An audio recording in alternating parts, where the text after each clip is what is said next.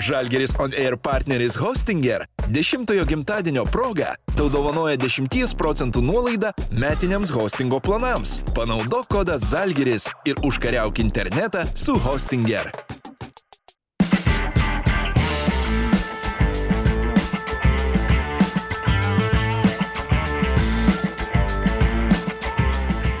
Sveiki, mėlyje Žalgiris ONR podcast'o klausytojai, žiūrėtojai, nesvarbu, kokioje platformoje jūs įsijungite šį podcast'ą, tikiuosi, kad turėsite uh, puikų laiką kartu su mūsų naujausio podcast'o serija, kadangi šiandien šį podcast'ą mes darysime anglų kalba, o jeigu tą mes darome, akivaizdu, kad turime pašnekovą, kuris uh, kalba angliškai. Ir šiandien mūsų laidos svečias yra Kauno Žalgirio komandos žaidėjas ir šio sezono naujokas aukštūgis Augustinas Rubitas. Hi there, Augustine. How, How are you you? doing? I'm great. I'm great. So thank you for being here. First of all, uh, we have a little something from our sponsors, Hostinger, for you. Uh, this kind of sweater. So Okay. Oh, that's nice. I hope the size fits you. Double XL, yeah. yeah, yeah, that's perfect. Yeah. Oh, all right, all right. So, uh, yeah, black color, Žalgiris logo, everything as it's on this one. Yeah. Uh, first of all, uh, when we talked before this podcast, uh, you mentioned that you have never done podcasts in your life. How is that? Because you were amazing basketball player at your university, you had this uh, great seasons in Germany. How did that happen? You didn't have any podcast experience before. I don't know. I, I, I mean, I noticed how big like it became, and you know, you see it all the time, like on social medias and, and things like that. But I have no idea. You know, I guess it's normally not my personality to get up there. I definitely don't ask to do anything like that. So, I mean, I don't know, but happy to do my first one here. So, All right, Yeah. all right, all right. Uh, you're you're not against journalists, yeah? You're not one of those. "Oh, I'm not gonna talk to those. So no. oh no, not at all. Because I mean, you answer what you want to answer. So, if you don't want to answer a question, Yeah, you just don't yeah, answer. Or you question. short answer it. So, no, no, everything is. Augustine, I know that you uh, travel uh, everywhere with your beautiful family, and you Mhm. came here to Lithuania also with your wife and your son, yeah. Yeah, and my Um, daughter. Yeah. And I know that your wife was a former basketball player. Is Yes. that true? Yes, Is she better shooter than you though? but that's her specialty. So, I would say yeah. Yeah, I the, we only played one time. We shot one time. I beat her. So you She's- play the shoot around or you play the horse? It was it was actually like we was doing a spot shooting, and she was hot. Every excuse because she was like, "You're not shooting as fast as me" and things like that. But So she has a quick release though, yeah. I mean, she's more of a shooter, so of course, like if you see how I'll shoot versus Milas and, uh, and Grigas, all the, you know, they sh- that's what they do. So they fire it, and she was she was mad. So let me ask you this: So she prefers Grigas and Miller's release than yours release? I'm I mean, I'm as a shooter, I would think so, but then you know that's her specialty versus me. You know, it's opposite. So. All right. Uh, did you get uh, any lessons after the game from from your wife Brianna? Yeah. Uh, Yeah. every time that you come back home, or every time like she watches you playing on television, do, do you get any like, oh, you should have done this or you shouldn't have done that? all the time. It's like, why you make a face like you didn't foul? You clearly fouled him. And, Stop pretending, This, yeah. stuff like that. It's like, I feel like I didn't follow. You know, it's always that or box out or you need to shoot more, be more aggressive. Just like the last game we played, um, the la- uh, we're down two. I made the the pass to JoJo. So you didn't even look to to swing the ball, or be aggressive. You look, look, look, and that's why you turned it over. So I mean, she know the game and she knows everything. She might record some clips. I, like I'm going home to some coaching, so she definitely aware and it helps. It's like uh, you go home, face the truth. So So uh, let me get this straight: you have coach during the practices, and you have a coach, your personal coach at home. Is that right? yeah, sometimes she don't say anything, but yeah, she definitely. If it's something that needs to be said, and she, or she don't understand, like why would I do this? She definitely mentioned it. Does she prepare, prefer you playing in the paint or making these pick and pop plays, for example? Um, I don't think she prefer either, or she never really mentioned. She just say if you open and it's your shot, take it versus passing up open shots. So All right, all right. Well, that sounds amazing. Like every basketball fan would love to have like a significant other that also passionate about basketball. That's that's something, man. yeah, it's just like you know sometimes you already like I don't want to listen. Like coaches already saying something, then you go home. But it, I mean it's true. But you know that's a part of it. She competitive. I'm sure she want to jump through the screen sometimes, but that's part of it. So is it a good thing we don't have a fans right now? Because if she was in the stand, if she were in the stands, she would be very passionate. Oh, come on, Augustine, that something like this. No, I mean it's okay because maybe you know give you a boost or whatever. But I would love for her to experience, you know, b- being here with the fans. You know, it's amazing. You know, I only had a small taste. Of course, I played here, but I would love for them to to, to be here. You know, wearing the, the green and white and being able to be at one of these packed games. What about your little one? Is he uh, destined to become a basketball player, growing together with a mommy and daddy that are basketball players also? I don't know. He he like kicking the ball right now, like more of like the football, soccer. But we'll see. Maybe you know as he get older, he just try to engage in it more. But right now, he's so so. All right, Like most kids pay attention, and for him, like basketball, just- is like eh. Follow the footsteps. Yeah, yeah, yeah. He, he just eh, whatever. Augustine, uh, let us get back to the very start. Yeah, Mm-hmm. uh, what was it like for you to grow up in Northwest Houston when you were just a child? Um, you know, it was different. You know, of course, it was normal for me.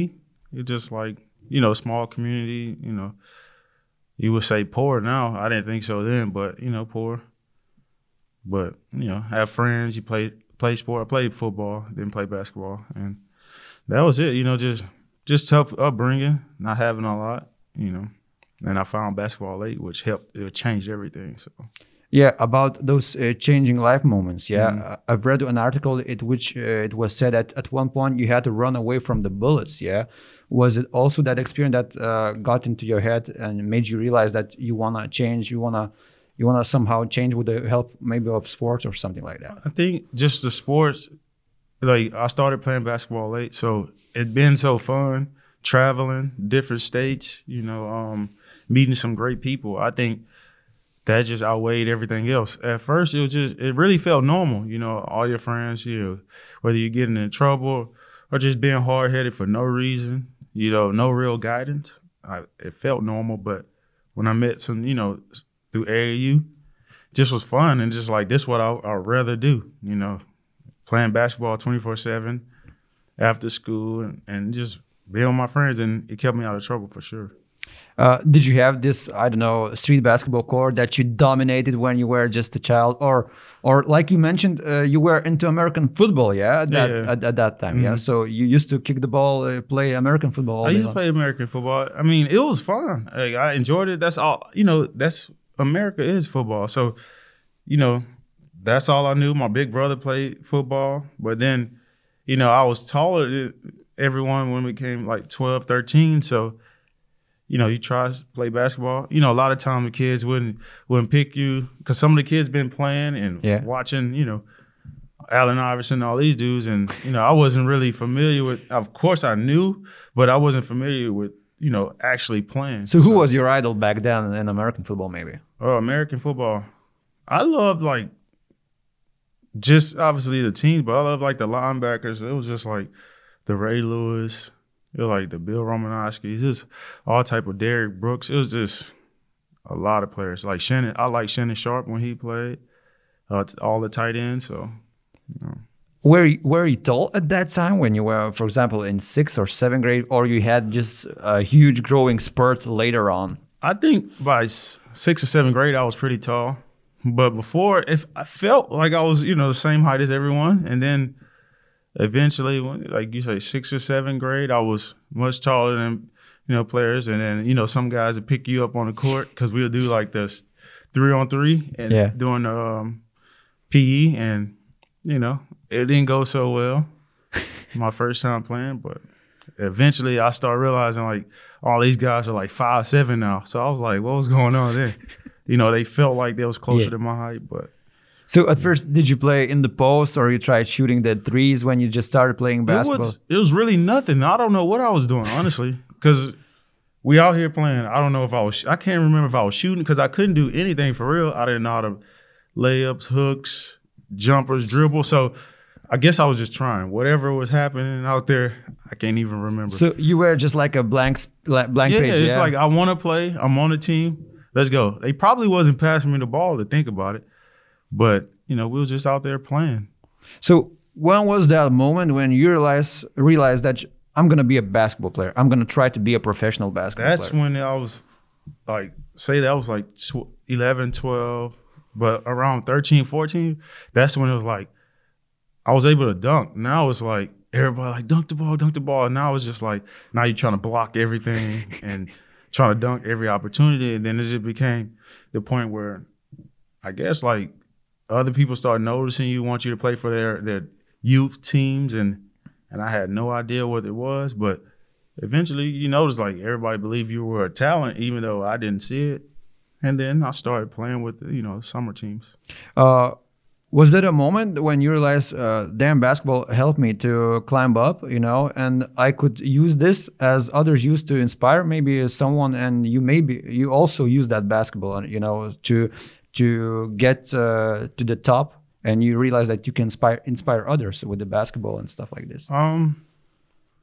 i didn't realize that till late because me i was just doing it because it was fun and everything but i did notice like all the letters coming in from different universities and it was like i never thought about college but hey it's like it's really an opportunity here you know all these letters coming in, invited to camps, you know, like the U of H camp, Texas A&M. So I started taking it serious, and this all happened within two years because I just started playing, and it just it was all excitement, you know. What about that choosing university process? Did it take long for you to choose uh, South Alabama Jaguars team, or was it like a quick decision?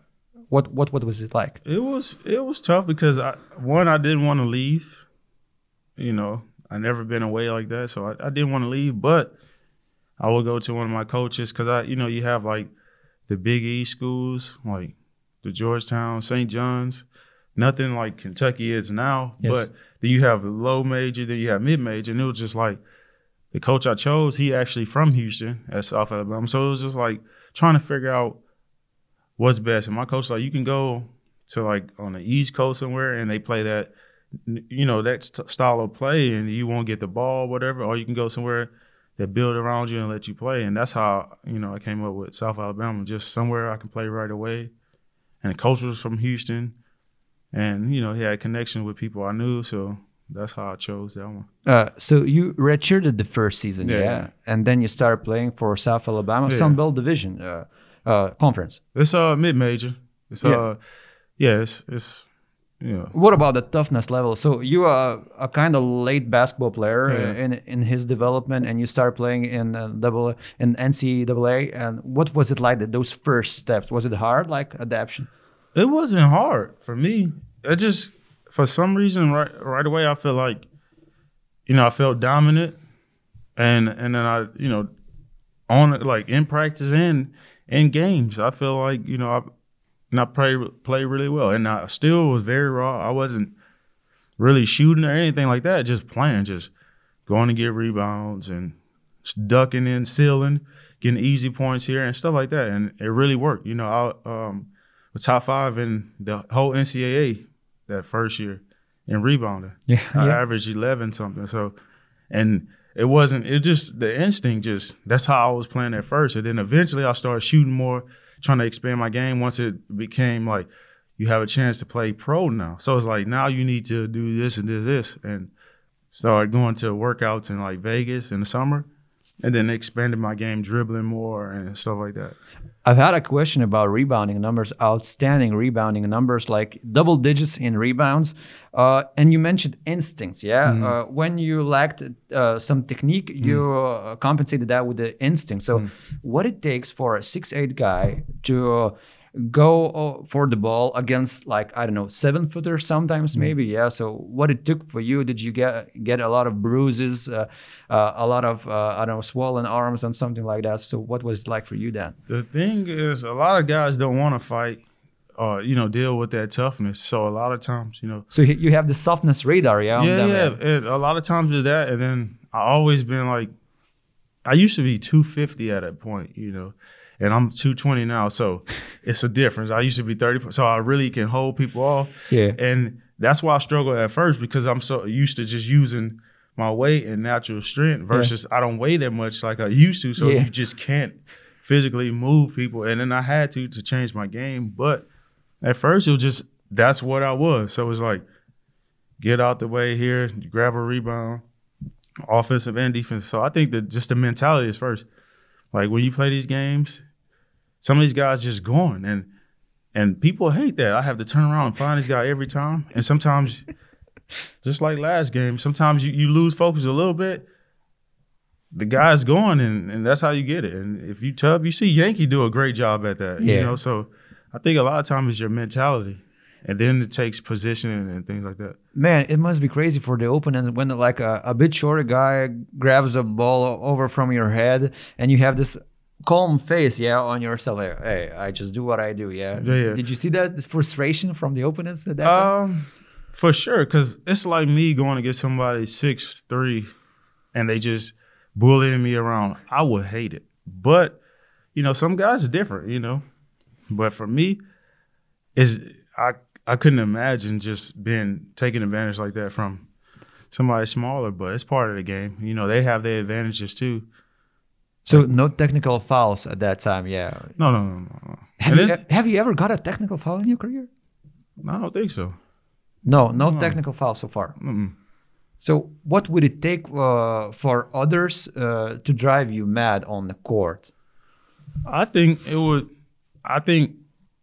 I mean, I've probably done something to get a technical, but it have to be one of those where the ref was already fed up right away. Yeah. It's never like I piss the ref off and then keep going to say just like you know and get the technical. It's more like I probably said something, I showed emotion to get one, but it's like okay, and that's it. You know, I say what I have to say or show my you know emotion, and that's it. Versus keep going. You're Yeah. like that's enough, and I just keep going. I don't I don't really do that. So it have to be right away. All right. Uh, uh, talking about further your career in university, uh, South uh, in Jaguars team. During the last year, during the senior year, you started shooting trees. So what has cha- you shooting more trees? I mean, what has changed uh, during that time when you got into your senior years and you started making more shots from downtown? The thing is, it's like now where you know I can make it, go and workouts, make them, but just wasn't my strong point. But at the same time, I knew in order to you know become a pro and give myself my the best chances, I have to be able to take more and, and You have to be a more. versatile Yeah, player, yeah, right? for sure. So that's all it was. It's not like oh I really want to, but you. I mean, some games you might need to. So that's all. It wasn't anything like I want to be a- out there shooting threes. It was just part of the development. Even though your wife has a quicker release, but Mm. uh, how good of a shooter you were back then when you didn't shoot uh, so many threes at that time? Um, I wouldn't say it was great. It's hard to judge because it was all just super wide open because I never take those So threes. opponents took risks from you. so, so for so a lot of times it's just you know ah, just shoot ball. Yeah, just shoot it. So, but still, and it's college. When you think about it, how many players won't turn, you know, pro and things like that. So, when you think about the level, you're not playing realistically. You're not playing just the greatest talent. So now, when you look back at it, you know, it's not like you playing against all. You know, you might play against a six nine, six ten that only block shots, but can't really do anything Yeah. else. It's college, you know. So when you look back at it now, it's, it doesn't really matter. I'd really judge everything now as a pro, you know. All right. Was there a game in college when opponents took risk uh, defending you and let you shoot the ball, but you you just uh, pour it uh, uh, pour it with the threes? I think one game, I you know, I had like 35 against Gonzaga. It was just deep threes. Just I was just say, for some reason, I was just like let it go. You know, I only made three, but it was just like mid ranges, threes, and everything. Just shoot it, but. Yeah, still, you know, not many games because it's not really what I do. All right. What about uh, what about that buzz around you before uh, before you going to the summer league? Yeah, you you went to the Rockets for the summer league after the university. Uh, uh, how many? How, how much of a hope you had to go to the M- to the NBA after the university? Um, it wasn't big. I wasn't really pushing the envelope. I just, you know, wanted to play and compete. But I started with Orlando because they was really high on me. But I took an elbow and in practice it was like a concussion protocol, and then like the last couple of days, that's when I was able to get with the Rockets. And, Yeah. But it wasn't much opportunity at that point. But I wasn't really sold on like most people would just have to be in the NBA. Yeah. For me, it was like just a chance to be, you know, play pro ball, do what I love, and make money. And you know, opposite of what I, you know, grew up, how I grew up. So So it wasn't a big concern for you to go to the Europe and start your professional career, yeah, at that time. the only concern was just it being foreign to me. Yeah. You know, nervous and afraid what's over there. But no, and not at all. I wasn't like, oh, I need to be in the NBA. Just like just to make some, I can make some money and make a living and buy the things I need and stuff like that. That was the biggest thing. So coming out of the university as an outstanding rebounder and a guy who can shoot from the trees right now after his senior year, how many offers did you have on the table to play in the Europe? Like Germany was only the first offer, the first offers, or what? Did, did you have others? Um, I really like with my agent. I really didn't discuss that, and it was a. Now I guess a lot of things that that goes into play. I realized why I wasn't told about certain offers, but I really don't want to get into that. Yeah. But I didn't really know. I was just following my agent lead. Like he, like this is what they do. They're gonna bring the best opportunity for me, and minus the money is they felt like this was the the best step. I mean, either way, it really helped. So I just followed whatever they said. They didn't really tell me you can play here, here, these the countries. They were just like, okay, I think this is the the opportunity, and you should. It's Uh, in Germany, Yeah. and you plan time and get to develop. So So all the package that would suit you, yeah. yeah, that's what I was told. I, you know, of course now, like if it was my son coming out, I want to view everything. You know, I want to know more about it, like coaching style, what, what position they'll be having you play. But then it was like, you know, I no father figure. Well, I, I have a father figure, but no no dad around, nobody to really push Yeah. and get into it right, you know, in detail to see where I'm going to and my opportunities. So I just followed my agent. You know, EuroLeague just released a new show called Playing Overseas uh, about the experience of American players playing in the Europe for the first season or for the first seasons. Uh, so you came to Tübingen, yeah, and and you came with your family, with your wife. No, no, I wasn't wasn't married all- and no kids yet. No. Yeah. So you were she, she alone. was she was still in college All right. playing. So you came alone, yeah. Yeah, I came alone To, to Tübingen. Was it a small city? Uh, It's small, pretty small. And tell me about that first year experience being as a rookie, uh, playing for your uh, all of your uh, career American style of basketball, and now uh, you need to adapt to European style of basketball, and not so weak German league because German league lately No, it's, it uh, was, it's a strong league. yeah, it was. For one, you know, you I, wasn't familiar with all the players that's over here. You know, all these players I played or heard about, watched, watching the NBA. Yeah, So I'm not thinking all these guys are over here. You thinking like in China because that's where the the big names or Yeah. wherever go. So one that was shocking just to go doing preseason like you playing Bamberg and you seeing all these like golly I didn't know all these, these guys were here. You know. Um, they play basketball here. Yeah, yeah, it's just like I had no idea. And two, of course, the rule changes. It was different. You know, knocking the ball off the rim, getting tr- called for travel a lot. yeah.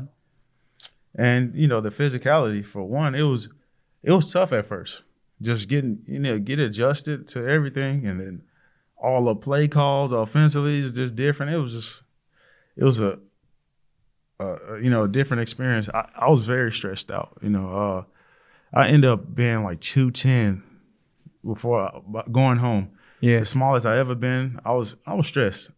I I mean, I didn't want to say I hated it, but just being away and it was different, like the food and everything. I really, I really went through a lot of that first year. And what helped you to live through this experience? What what helps you like uh, the adjustment process when you see that that okay, I can play also, I can grab those rebounds as I grab those rebounds in the university. What has changed? Um, just towards the end, it was better. Yeah, About about time I went home, I was okay with it. But it took all season. You know, I finished the German league top five in points and rebounds. But you know, you go play, you go home stressed, not happy. You go to practice, I'm okay. Go home stress. It was like you go to game.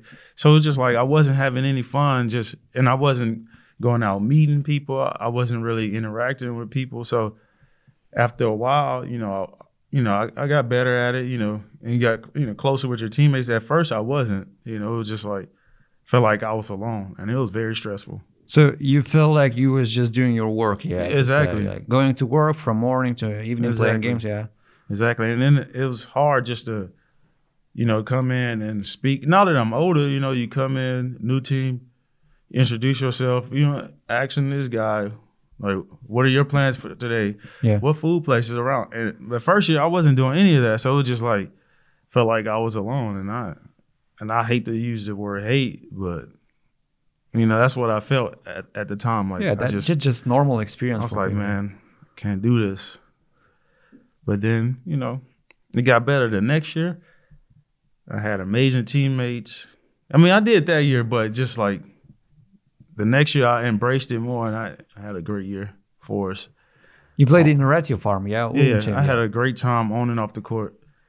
You know, and that was one of my, one of my best years. And then eventually, Brianna ended up coming over after Yeah. she finished school and everything. So So she came uh, during your first year in Ulm, or uh, She came like December when I was in Ulm, yeah. Yeah. All right, all right. Yeah. And what- stayed for a little bit, but it just helped, you know, everything part of the process. so she helped, and playing in the higher level also helped, maybe too. Like, yeah, it helped a lot. You played in the Euro Cup, yeah, for the Yeah. first time in your career. Mhm. What was it like, like playing in the first uh, international tournament here in Europe? Did you see this uh, Europe experience in completely other colors back then? I didn't. For me, it was just just going with the the flow. Um, you know, again, like you playing against other like players you heard about, played against, and uh, and I'm playing with uh, Raymar Morgan, who I you know I watch. You know, obviously when you're on a higher level, you know you watch more of those Michigan State games. Yeah. or with Da'Sean Butler, who was amazing uh, in the NCAA for West Virginia, you know, Final Four guy. So I'm playing with all these guys that I know were amazing, and all of us were like player of the year, first team all conference. So it's just it was great. Like my, uh, Perrier Henry ended up coming, and Yeah. just like so it was like I was more like. So, you know, hanging out with him, trying to give him confidence because you know another guy coming in, So you were like a tutor to him, yeah. yeah, struggling with being in Europe. So it just like build all these relationships, and it just made it easier. All right. And sure. uh, after two years in Ulm ratiopharm, Mm. uh, you're switching teams again in Germany. This time it's Bamberg team. Yeah, mm. Er, Andrea Trinchieri steps in, like Mm. a very passionate. I see a smile in your face. A very passionate coach. A Mm. very, I know, a very charismatic coach to say at least. Mm. I've listened to one of his podcasts, and he mentioned that after one game, I wanted to kill that guy, but then I realized I don't want to kill that guy. Yeah. Mm. So what was it? What was the first experience meeting Andrea Trinchieri? This this sometimes crazy fella. Um, it was like he's a very chill guy preseason. Like he takes it easy. It's like like we're gonna be fine. Like you know, here you run the plays, everything is smooth. Not too much, you know, yelling, you know, cursing, whatever, swearing. It was it was very light. But then eventually, you know, it come out like you know all the little craziness he do. But he's an amazing coach. Yeah. he is for sure.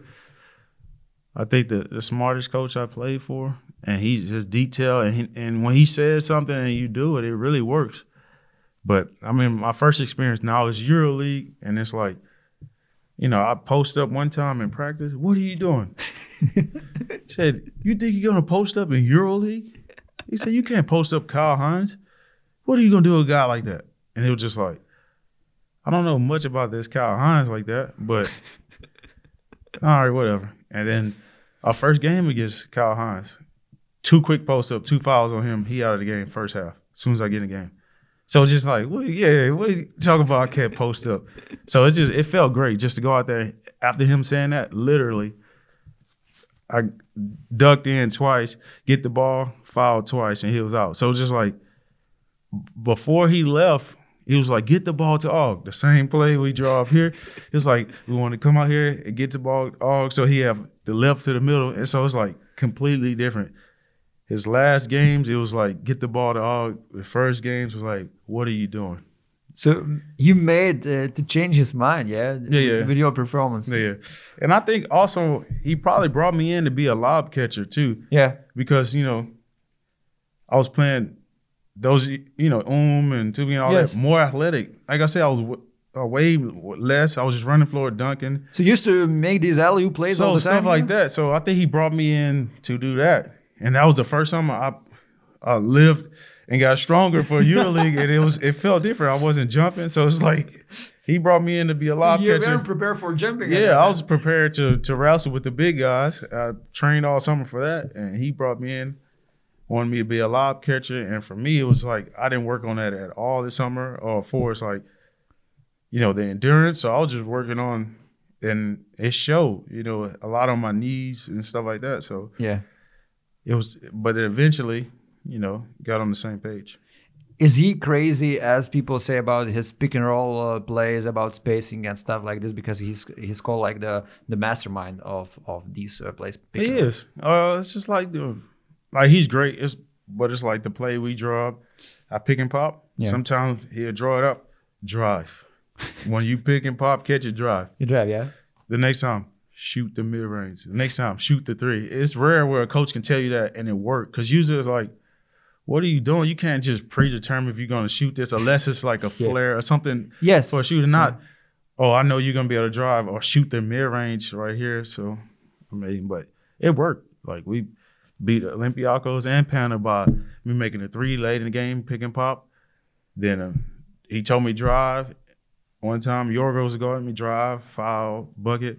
So just like it was working. So he sees these matchups and he sees the best solution for every. He do, and it like it's like how this is gonna work. They know they're gonna expect it, but it really worked. And and I see it in this coaching right now. You know, you have a Munich team playing tough, and guys are playing you know their best years. You know, So it's, it's, yeah, it's no wonder uh, his teams are so successful. yeah, I'm looking like that's what he did in Bamberg. They lost probably like six or seven games by less than four points. yeah. So it's just like a big difference. So they they had a chance to win a lot of games there, but the, most of the games probably decided less than six was probably like ten. So did a great job there, and it's showing with Munich. Uh, what was your first experience with the EuroLeague game? Your first game versus Maccabi, uh, completely, uh, completely other physicality level than any other tournaments you've experienced before. So, what was it like to play that first EuroLeague game? Was like a completely other story, or you were prepared? As you, you said? it's just like I, you get the taste. I feel like Euro Cup, you had a lot of talented players, but they're just wild. It's like not gonna run the play. I'm gonna just shoot everything. Versus you have EuroLeague, you have this guy that can make these shots every time, but won't take it because the structure. You have to play smart. Just play smart team ball. So it was just like in Euro Cup, it was like, man, this guy can shoot, and you really have to be ready for this shooter or this driver. Versus EuroLeague, it's like this guy can do this, but he's on a team with you know talented players, so he's not gonna just do it. So you know you you get the feel of just organized basketball control, and that's why it's you know the best, you know over here for sure. So, who was that player in your first season in EuroLeague when you realized you, when you realized, damn, it's EuroLeague, it's gonna be tough. Um, I can't recall like an individual, but I can say even go back to like like Yorgos, like a guy that doing ballerina shots left, right. It's just like everybody have their own niche. Just like amazing at something that you don't think is possible in basketball because Yeah. they teach you not to do certain things. And then you play these guys and see some of the, the, way some guys shoot and they making them. and- Yankees elbows, yeah. yeah, so uh, so athletic. I remember playing Yankee, just getting. I feel like he gets shoved in the back every time. I'm like, man, this guy is pushing, grabbing it off of the rebound. It's like, now I see great positioning. He's great at that. Like we in practice, you lose focus. He's behind you, you can't move anymore. And then I see it in the game. Like, okay, that's what was going on. So yeah, you play guys that's amazing at what they do, and and I think that's the biggest difference. It's like guys have you know special at certain things, you know, in this league. Uh, that's a small off topic, but did you know that Yankee was nominated as the dirtiest player in LKL, Lithuania Basketball League, for a couple of seasons? No, but I'm I'm saying he's older, and I see a little. little I can imagine. I can imagine. All right. So after that first EuroLeague season uh, in Bamberg, you chose uh, Olympiacos, but uh, I've heard that before uh, choosing Olympiacos, you had other options. So that's the first time when Žalgiris uh, name uh, came upon that you realized that Žalgiris had you under the radar. Yeah, uh, I talked to that year. I talked to Šaras, and then I talked to David Blatt. You know, and one of the reasons I play basketball is because LeBron James. I remember like one of my close friends used to always play his highlights. Like he graduated 2003, so in like 2002, playing all his highlights. I'm like just watching him. then, but then it's just like God, the leaders there. I should jump and do this. So. I, that's when- also a reason why I started playing too. You know, you out there trying to do some of the things he was doing. Yeah. And then you know David Blatt coached him. Yeah. It's Olympiacos, historic for championships and stuff like that. Yeah. Then you talk to Šaras, who's an amazing coach, was an amazing player, and it's just like it was tough just to decide, you know. All right, uh, uh, David Blatt. So David Blatt uh, as your new coach, but soon afterwards he just uh, gets away from the team. Yeah, Yeah. the first game, you know, after the first game, and it was it was a lot going on that you know between him and management. Yeah. Like you had no idea before you know signing there that it was uh, any tension, you know. So And how big of a shock was that? That Blatt Blatt just leaves the team, right? Yeah, for sure. It was it was it was huge because you know this guy you know won, just came you know a couple years ago was in the finals in the NBA, so you had no idea like he was gonna be out of there after one game. There was any tensions to get him out of there because one game that means there's something already going on. There's no way I'm gonna fire someone after one game if I believe in what they're doing. So.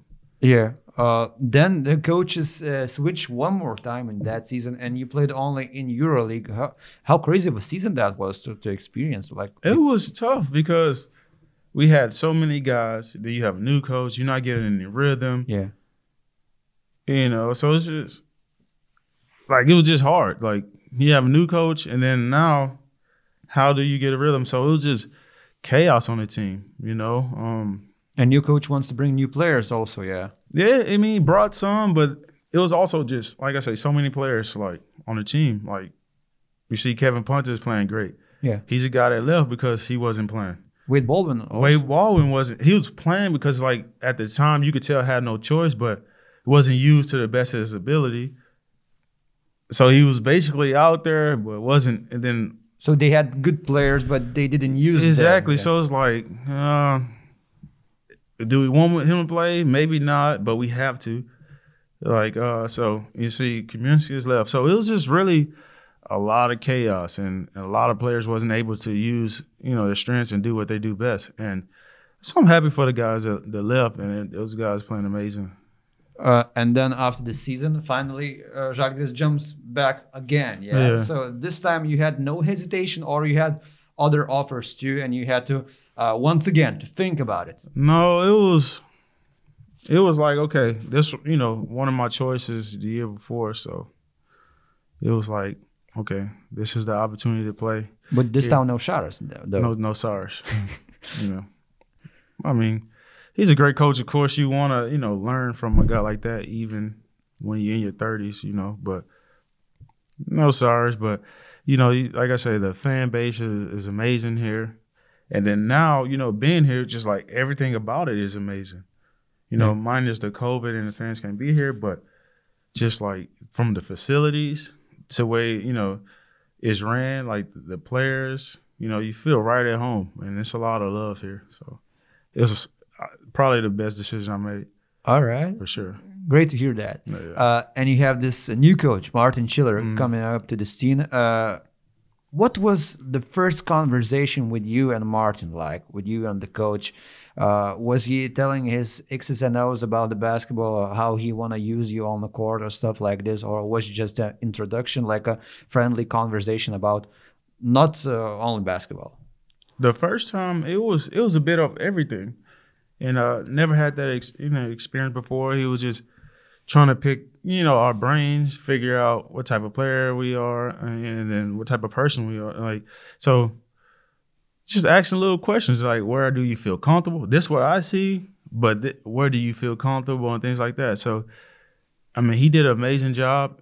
He did his research. I mean, he he signed late, so it's just like he was after it, and he's just you know one of the greatest you know experiences is talking to a coach and really getting that feel for him and for us. And you know, I didn't expect that, and I think that's what makes you know him a a, a really good coach is you know his personality and and the way he go about coaching and doing his thing.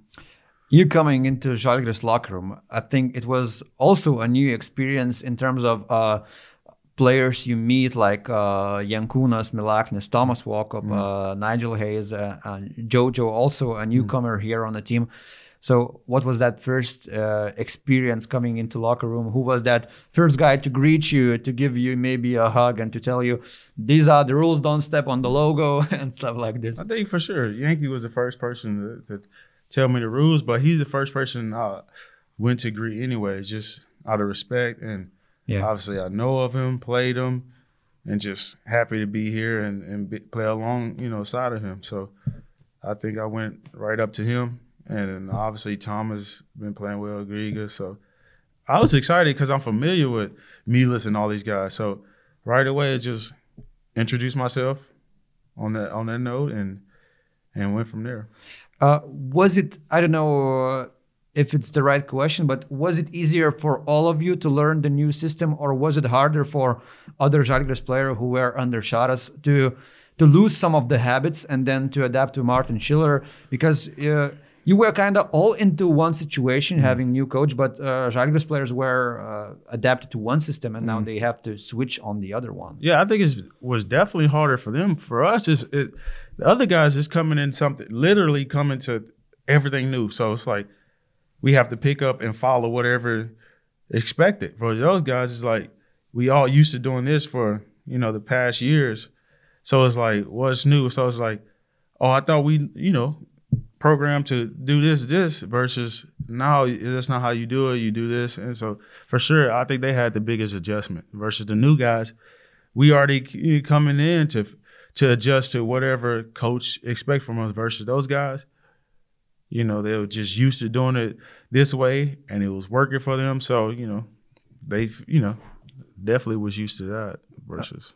Uh, you started off season with Žalgiris with the four victories in a row, then one loss, then one again victory, mm. and then six uh, losses in a row, and then uh, these stretches up and down stretches. So, mm. was there a moment in the season when you when you guys realized that okay, the system works, but we have to fulfill it in every possible detail? Or when did you that realize as a team? Um,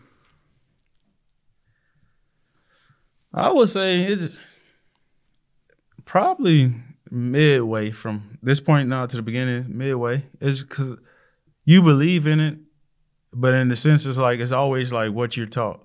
Yeah. Just like some of the things is like you you you break what coach is teaching to do, you know, was habit, but that you know is a problem. But for sure, you know, 4 0, you're not really t- you excited. This is that's an amazing start. You know, um, do you think, oh, we we're the best team, we're gonna easily make the playoff? No, but you know you have to grow. And we still weren't doing things like we are supposed to so but we was winning. So that's what the problem come in like you're not doing it and then now other teams come up and they expose you. Now it's like you're gonna do what's asked of you or you're gonna do what you think is best versus do what the coach asks. And yeah.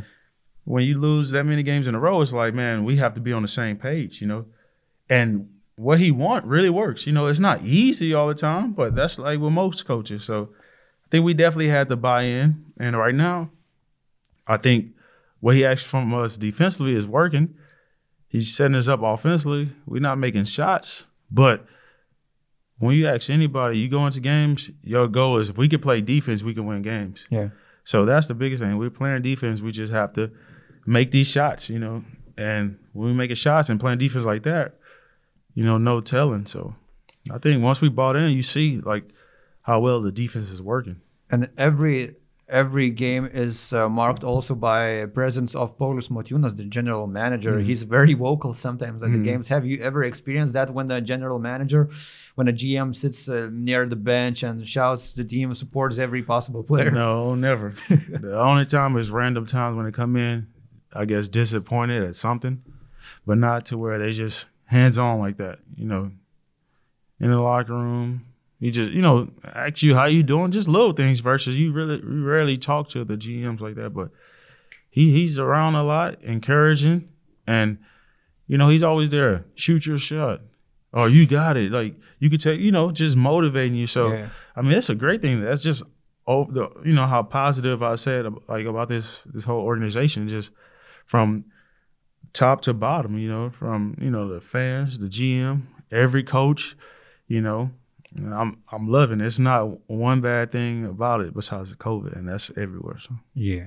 Uh, talking about shooting, you just mentioned that uh, when uh, people encourage you shooting, you had one game when you made four out of four three pointers. Uh, yeah, I, it was three. three, three. Yeah.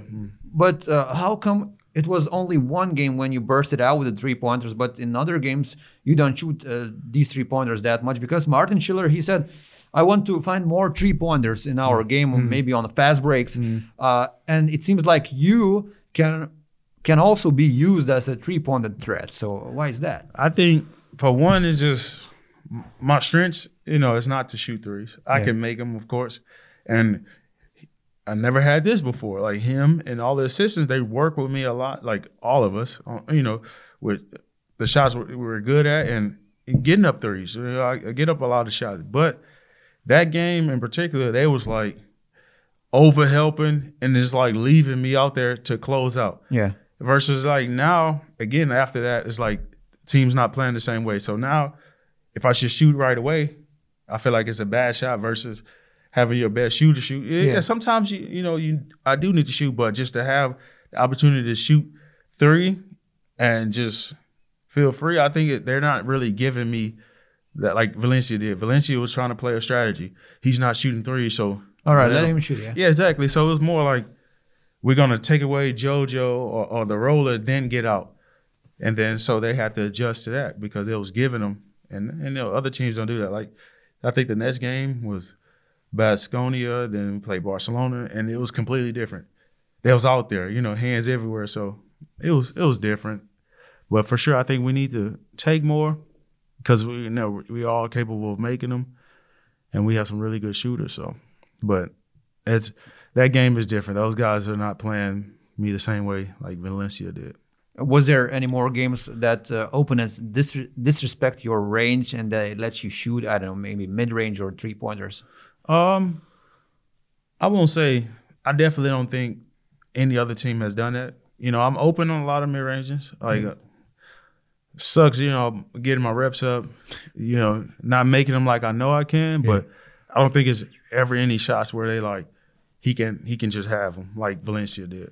What about your fadeaway shot? It seems that you put uh, a lot of work into that, crafting your fadeaway shot to the best uh, possibilities. So, how much work do you put into that every practices? Um, I come in early with Tuti, and we we get you know certain shots up, certain counters, Yeah. and all the shots that I you know I, I take for sure. I do those you know before practice, and you know I I, I work on it a lot. So you know sometimes it's disappointing not to make those shots, even though you can't make every shot. But it but- seems undefendable, that shot. yeah, but I'll, I'll work on it a lot. And this is the first time I'll play for coaches that encourage me to shoot what's comfortable. Because, like, we might watch a film and it's like, you know, most coaches, like, you know, you have a smaller guy, don't just settle. You know, you force it inside. him, yeah. Versus those guys, like, oh, if you want to play like that and they try to keep you out, you go into your shot as wide open, great percentages. So, like I said, these these guys are very encouraging. I'm sure any player would be happy to play for a coach and stuff like this. Was there ever a coach who told you, like, "What the hell are you doing when with those fadeaway shots?" David Blatt, David Blatt. yeah, like the first game, it was just like they want to play me, so a bump and you back off. I don't want to see that shot. I don't want to see it. So it just also last year like limits you to what you can do. Yeah, yeah. It's like this is what I'm doing, and this is how you know it's been working for me for years, And now it's like, okay, I can't do this. This is open. So now it's like I'm a seven footer again because I'm not allowed to. Yeah. But and he's only there one game, so it's just like, you know, preseason into that one game, it was like I don't want to see that. So now it's like, okay, you don't want to see me take the shots I take. So what do I do now? All right. What moves do you want to teach me since I can't do what I do? But you know, this is like every every coach is different. You know, some some coaches don't want to see like everything I worked on. Some like every part maybe a coach don't want to see. Like this part, this coach don't want to see. You know, and that's the way it is. So Talking about that last stretch of the regular season in EuroLeague, it's crazy madness what's happening on the standings.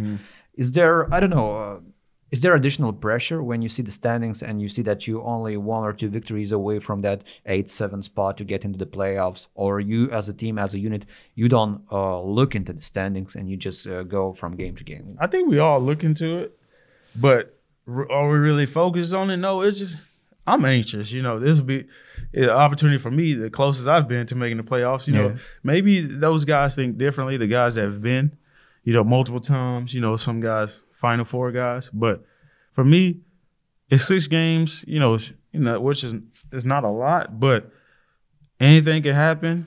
And I feel like we're playing tough. We're right there you know, of course, any team can lose six straight, but I also believe we can win four out of six. So I'm just anxious and just going with the flow, and just every game is a fight, and that's all it is. It's exciting. Like I rather, of course, I'd rather be just oh fifth place guaranteed, not have to worry about anything. But you know, just the the, the being this having this opportunity to you know fight and play the game you love, it's exciting, man. I'm we got to fight each game. Six games left. So, you know, we're going to fight. All right, we're finishing the main questions with that positive note. Thank you very much. Uh, before we dive into the fan questions, I just want to have a short break and present our sponsors. And our sponsors are Hostinger. And did you know that in online business, three seconds matter as much as the last seconds of the fourth quarter? If the website does not load in three seconds, is a 40% chance that your visitor would leave. That is why Hostinger is working hard to keep your loading speed and Google ranking scores high. This year, Hostinger is celebrating its 10th anniversary and gives you a 10% discount for yearly hosting plans. All you have to do is visit, visit hostinger.žalgiris and use a discount code žalgiris. So now we have a fan question. Okay. Uh, you can answer those quickly or you can expand whatever you like. Uh, Okay. We had a lot of questions about how old were you when you made your first dunk. So can you answer to all of those?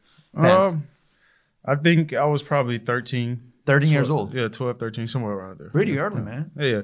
I mean, I'm tall. You have long arms. And then when you're younger, you have the energy. You just a hundred times try, keep trying. Yeah. So, I mean, it's different versus, you know, now, you know, it- the timing. But then Yeah. you're just, you're 13, you trying all day.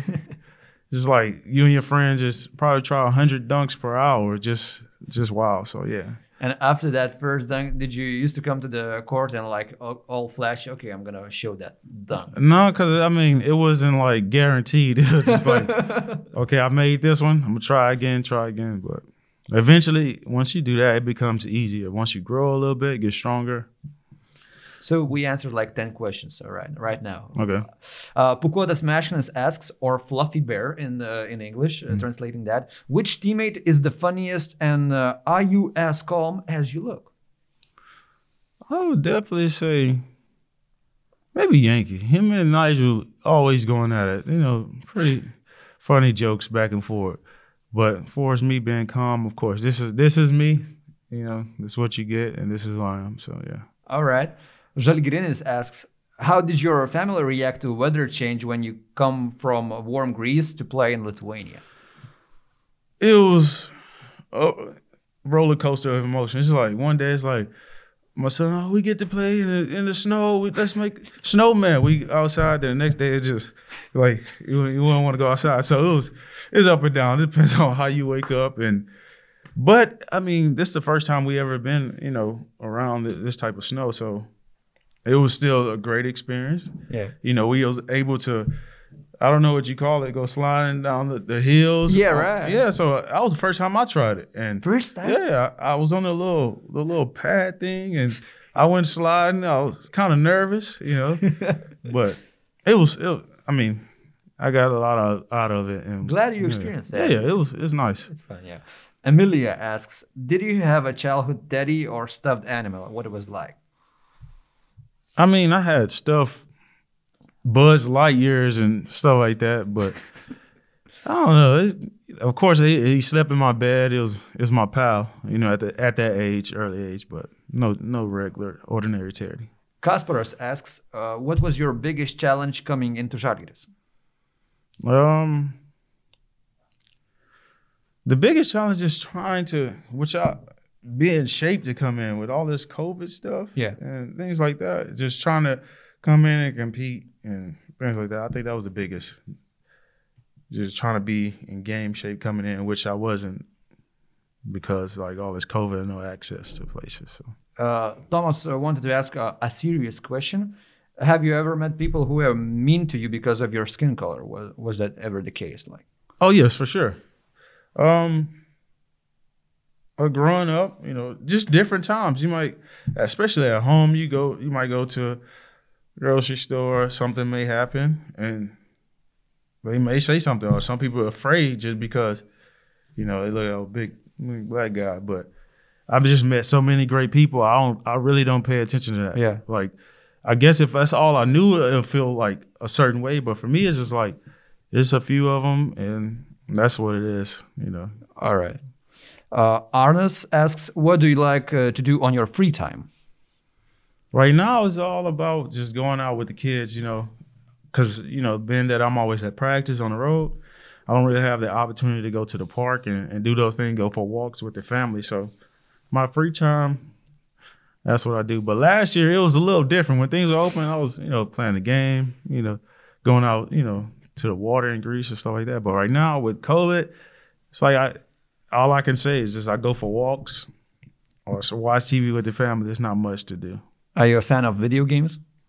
I feel like I was, but for some reason I don't have the energy with this with everything going on now. It's like, nah, just like my motivation for a lot of things I, I've done in the past from last year. It's just been different. So I'm hoping when things get you know get back to normal, you know my creativity of activities and all that come back. Maybe you'll become a painter, you know? Like, Yeah, maybe we just have to see. I might be doing all type of stuff when when things open.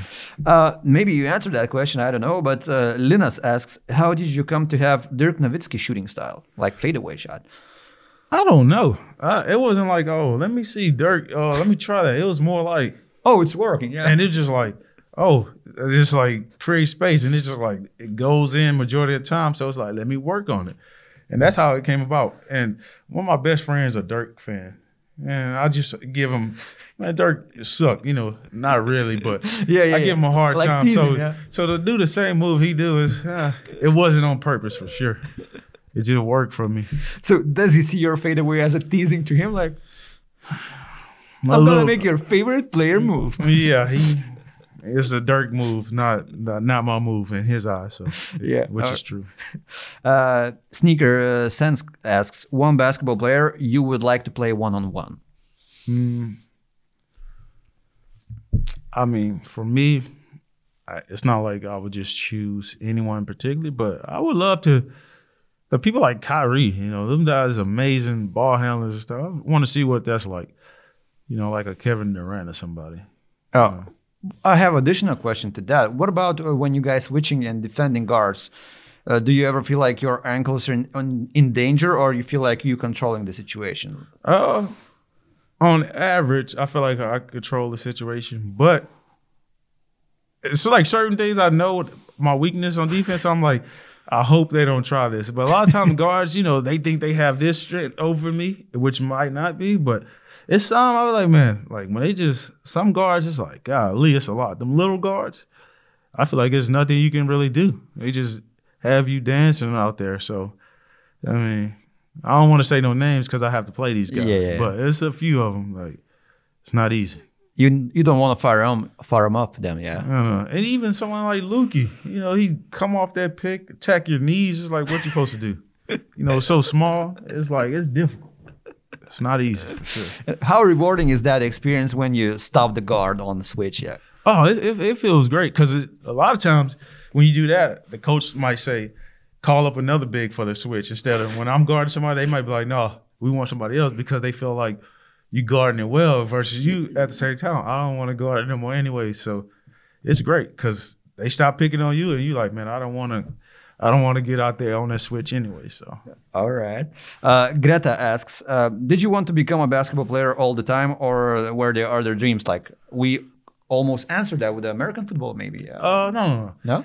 The thing I love most are, are animals. I love to be in a safari with my short shorts on, and hat, just taking you on on on a ride, just showing you the lines. That's what I would love to do. Really? Obviously, I didn't go to school for that. I don't know how hard it would be to get into that, but animals are my love, and so I would love to do something like that. I'm, I'm so you, you would like to be like a park ranger and like uh, supervise yeah, animals. I was thinking about uh, one of these summers doing an internship at the zoo, just really? to to experience it. Yeah, I really, I think if I had to choose, that I would love to do that. Nice. What's your favorite uh, exotic animal? Um, I mean, I, like I said, I like all of them, like the the, the lions to the shit the go the the crocodiles to I mean to all the little different type of monkeys, the the gorillas. You know, it's just it's exciting. You go to the zoo, see the elephant, how massive those guys are. Then you yeah. do research like a hippo can stay under the water for four minutes and run 30, 40 miles an hour on land. It's just unbelievable. And there's the giraffes, you're standing on bit, you know, on top of the, the platform and he's looking you in your eyes. You know, so it's just like, it's amazing to me, It's just uh, the uniqueness of every animal. I have this crazy feeling that you have these uh, interesting and crazy animal facts in your head, like like animal I mean, trivia. I just watch all these shows. I, that's one thing I've done growing like till now. I just love the shows, and I probably visit a zoo every every like year. Your first like, spot to visit the zoo. Yeah, I like, feel like every year it's, it, it's all the zoos mostly the same because the same animals, but you know they have the you know different animals do different things and like the circus, all that. I visit all those type of things, and I just love animals. Man, that's crazy. That's... Not like the little cats though. The, I don't like house cats, but the big cats and things like yeah. But uh, house cats probably the only ones I'm like. Uh, all right, so you're not a cat person. You're uh, a dog person. Yeah, more of a dog. person. Yeah, dog person. Like cats, big cats, but not these little annoying cats that climb on your shoulder and. And stuff like that. Hey, that's a very serious question for you. What's your favorite kind of breed of dogs? Um, I I grew up with pit bulls. I know they're wild and crazy, but that's what you know I'm used to. But I like something like like German shepherds, the labs, and stuff like that. All right, nice, nice, very nice. Uh, Baby Linho asks, "What was the weirdest thing you experienced in Lithuania so far?" Weirdest. What is that? All right. I can't can't answer that one because I haven't really done anything. Yeah. So uh, let us leave that for the future. Maybe yeah? just when I first got here, uh, Nuegas, the restaurant. Yeah. You go in there and see the big the big uh, statue with the penis out and stuff, man. It was like, what is this about? You know, as soon as I get here, I go in there. Put so some clothes on. Yeah, I was like, I don't know what this about. What's going on? That's Europe, yeah. Yeah, yeah. And Europe is different for that. All right. Uh, Regis asks about uh, you being uh, honorable mention for All American Award. Uh, what was the feeling like when you got that honorable mention for All American? Um, I didn't, you know, I didn't win it, so I really didn't feel like that anything about it. I just feel like when a lot of play, you know players that play well, they they they give them out. That's what it felt like. It wasn't like like I just did anything special. Just I mean, I guess I didn't look into it like that, but I didn't feel any way about it. All right. Uh, Demante asks, who usually is your teammate on away games? Mm, since we're not, it's like the new rule, we're not like rooming together. Ah, it's, you're not rooming, yeah. Yeah, it's, it's different now. The past couple years, I think, but uh, the first it was Pato, uh, and was in Palanga. He was my roommate. So was he good? Yeah, great guy. You know, running a little late. Remind you, like vice versa. We had a little connection here. You know, so middle school. Uh, Migle, what would your autobi- autobiography would be called like? Hmm. I don't know. Just the life of Og. The Life of Og. Yeah. Great title for the movie, though. Yeah, also, the life of Og, and then go into detail from, you know, special story from day one, and then go from there. we got that recorded. If you forget, we Yeah, yeah, from day one, and then whatever you know, you write into the. Uh, Iveta asks, which of your personality traits are the most helpful when it comes to basketball?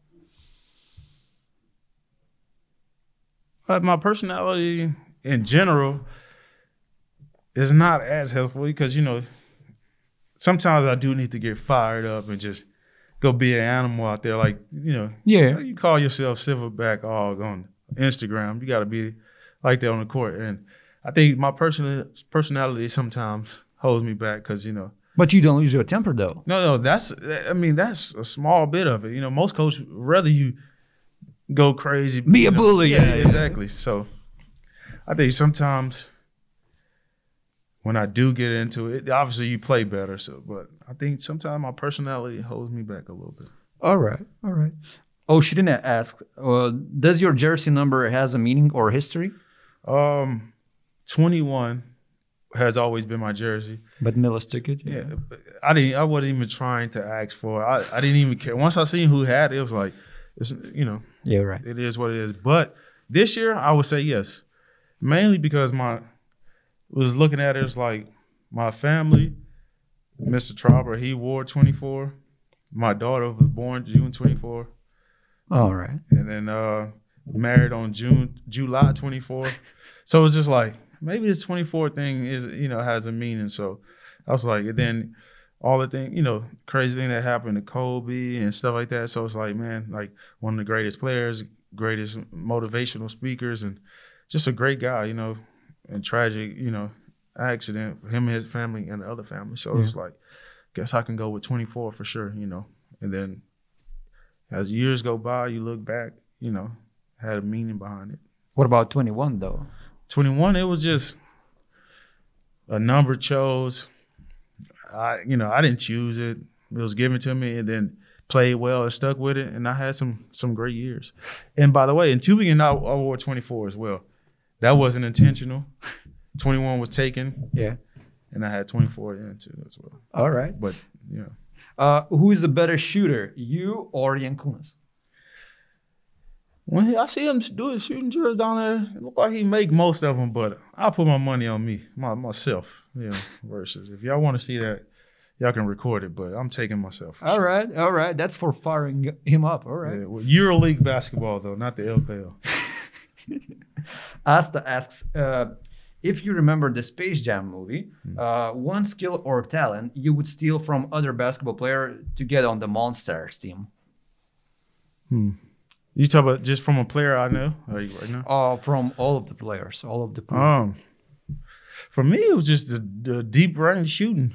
Even the way Griga shoot. If I can, if I added that, it'd be something special. all right, so sure. Grigas, Curry, or Lillard you're taking. I'm taking Curry. Look, I'm taking Curry all day. Just give me his offensive, his whole package with my size. That'd be unbelievable. All right, and from uh, Žalgiris you're choosing uh, Grigas, yeah? Yeah. All right, all right. Do you have any tattoos, or would you like to have some? I have one, an exclusive place I got from spring break with my wife. So I'm not showing y'all that, but I always wanted some. And then it was just like, it became a point where like, I'm getting older. I don't need it now. And it's like, hey, it doesn't matter, you know. So, but I, the one I do have, From the spring break. yeah, spring break. We was in college. It was like everybody, the group has to get one. And it was like, I don't want We no- were young, yeah. yeah, I, was like, I don't want one right here, just a little one right here, here. So I got one in, in the area. I can't, you know. All right, all right. How? Uh, all right. We asked about the dunks. We just got a lot of those questions. Uh, Gustavus asks, if you had to eat only one dish for the whole week, what would you choose and also recommend for others? Um, does the sushi in general have? I like sushi masters. I've Yeah. been, I've been I, So every you- week. I'm just You a sushi guy. I mean, I haven't been till I got here, and it's like, man, I just want every other day. It's like, say, have you made dinner yet? Oh no, uh, think about getting sushi. So it's like right now, just my go-to, and it feel like every other day I'm going to get something. All right. Uh, who was the strongest opponent to play against in your career? The strongest, probably someone like Seraphin, Kevin. uh, I think his name's Kevin Seraphin. Yeah, Yeah. French guy. Yeah, someone like that. I think, yeah, someone like that. was- All right. Uh, and one more question. What does your Instagram nickname mean? It's a joke because I love animals, and then when you watch videos how strong the silverback is, Yeah. it's like it's written silverback just like slang, like what Ply said in the song, but you know, like a silverback gorilla, just toughness. Just a joke though, because I made the joke with my friends. I you wouldn't, so and it stuck. So that's what it means. So some I forgot the comment said, "Why don't you call yourself something back? What color? I forgot. Ye- Yellow back or something? Golden back. That was hilarious. I, I thought that was too funny. The golden back. That was too funny. Actually, it was one question. Why is not the gold, golden bag? Yeah, yeah, that's what I was talking about. That was too funny. But yeah, it was silverback because the the gorilla, you know, and it just made me think about myself when he said golden back. But that was funny. All right, all right. I always love a good nickname history, man. Mm. Um, oh, actually, one question about your wife. How good was Brianna on basketball court in college?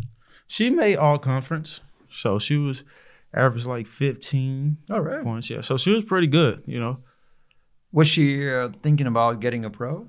she thought about it. She played with, when we was in Germany. She played with the the local team just for fun though. She just did it. And she was a leader. Yeah. And she was one of the best out there, but she was just doing it just for fun, just to just for cardio. So All right.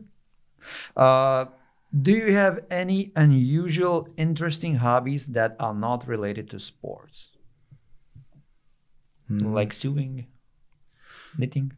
Oh no, no, no hobbies, no hobbies, nothing. At least nothing right now for sure. All right, all right. And I have one more question. I mm. left it for the for the for the finishing of bad questions. Would you like to stay in Žalgiris for the next season? I would love it. Like you know, I talk to my agent all the time. It's just for one, just to get the experience with all these fans. You know, just to to be there and see it, see it, you know, and play for it. it it'll be amazing. And like I said, everything here is amazing. Like like I said, the organization, the facilities, the coaching, and just of course I haven't really had a chance to get out and about because COVID. So Yeah. it would be nice to experience the city too and just get the feel like for after games winning games or whatever just you know just like i feel like i'm here but i didn't get the major experience Like getting demo version. yeah, because like it offers so much, and that's the beauty of the fans of being here. And I feel like I didn't.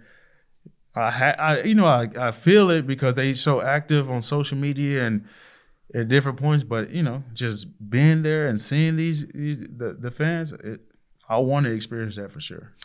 And you have uh, important task. You have to pick your favorite question out of these fan questions. Uh, while you're doing that, uh, you have to sign the ball, and we're gonna give uh, that lucky fan this uh, ball Okay. and this shirt from Žalgiris Shop, our sponsors also. So, what was your favorite question? The favorite was was the golden back one. I don't know if you have that written down. But Yeah, yeah, yeah. Uh, Tiara as that. So Yeah, that we're was- gonna give that uh, to Tiara, that signed ball and also a shirt. So congratulations, Tiara.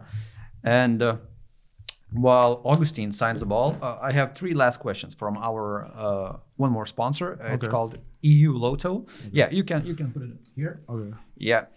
And um, it's a lottery organizer, EU Lotto, and he asks, and they ask, do you believe in luck?